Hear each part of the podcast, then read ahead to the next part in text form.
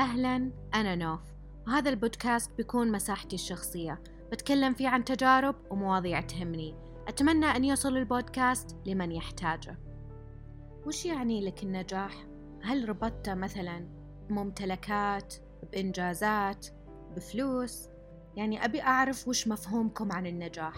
بالنسبة لي أنا أحس النجاح مربوط بالشهادات وإنه لازم الشخص يحقق يعني يعني مكانته الاجتماعية مربوطة بشهادته.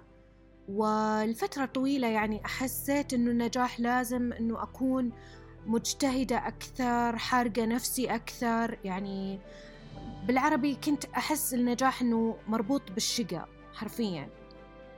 طبعا هو ما ننكر أن لكل مجتهد نصيب بس إحنا مرة معززين فكرة إنه النجاح مرة لازم تشقى على نفسك لازم تتعب. ما نعرف إنه أصلا النجاح عبارة عن آه، امتيازات تقدمت لك من أجيال قبل تجي أنت.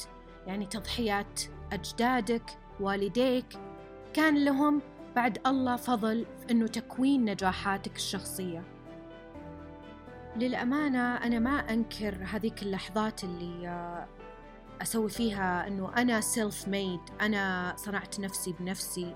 أنا كونت نفسي بنفسي. يعني ما ننكر هذه اللحظات اللي تعتبر أنانية نوعا ما لأنه تجحف حق اللي ضحوا في سبيل أنك توصل لهذه المكانة. أنا حبيت صراحة أنه أخصص هذا البودكاست عشان أشكر الأجيال اللي قبلي اللي ضحوا عشان أوصل اللي أنا فيه.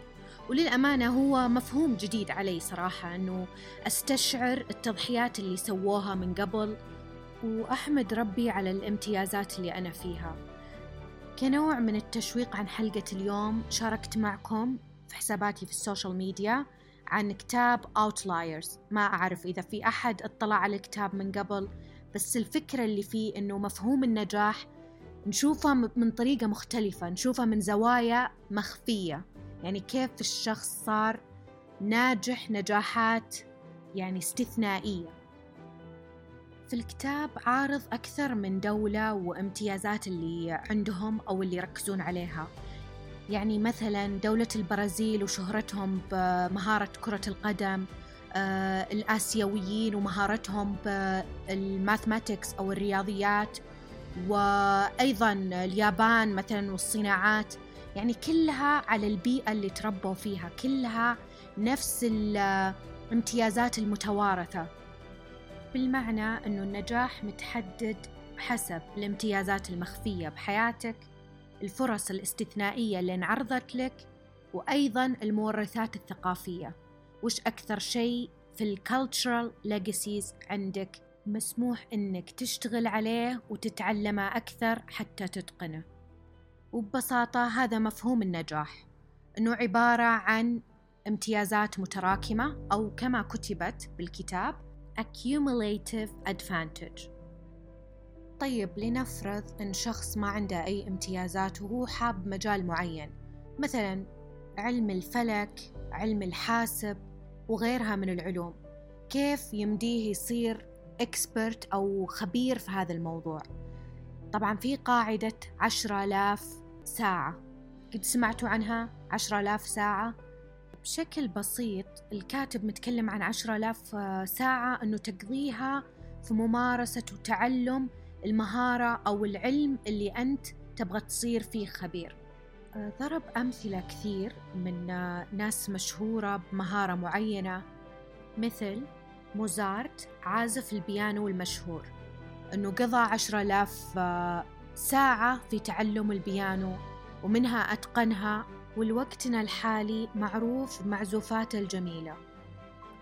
بس رجع الكاتب ربط العشرة آلاف ساعة من البراكتس أو ممارسة المهارة بالامتيازات المتوارثة.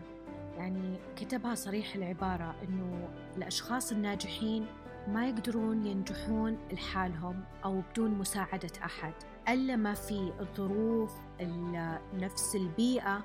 بالنهاية هم ثمرة البيئة اللي جايين منها. وبكذا نعرف أنه النجاح مو عشوائي وأبدا هو عبارة عن سلسلة من الامتيازات اللي موجودة عندك بحياتك وإنها ظروف وأيضا فرص.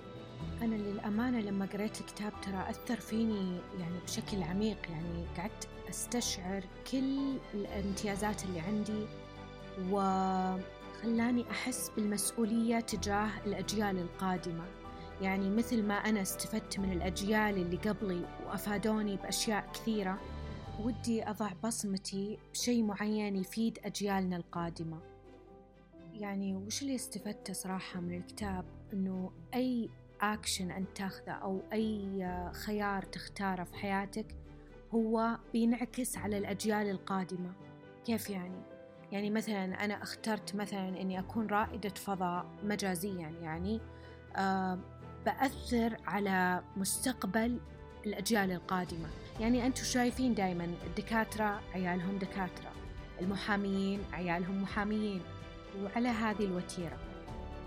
للأمانة أنا ما أخفيكم يعني كان هم وهاجس إني أكون ناجحة تقريبا طول حياتي. يعني أبغى أصير الأولى في كل شيء وما رحت بعيد. يعني كان هذا من تأثير الوالد حفظه الله وجدي رحمه الله. يعني كانوا من الأشخاص والشخصيات اللي أثروا فيني وأثروا في شخصيتي. كانوا هم قيادين بطبعهم ومبادرين بطبعهم وجدا يحبون يخدمون الناس ويساعدون اللي حولهم ومجتمعهم بشكل عام. فأنا حابة صراحة أني أوجه هذا البودكاست. شكر لوالدي الغالي الله يحفظه وجدي رحمه الله. وأطلب منكم الدعاء له بالرحمة والمغفرة. حابة أني أختتم البودكاست بأنكم تجلسون مع نفسكم شوي وتفكرون بأكثر الشخصيات اللي أثرت عليكم وكانت سبب بعد الله في أنه توصلون للمكان اللي أنتم فيه. شاركوني آراءكم ومقترحاتكم على حساباتي في السوشيال ميديا NOFPOD دمتم بسعادة. في أمان الله.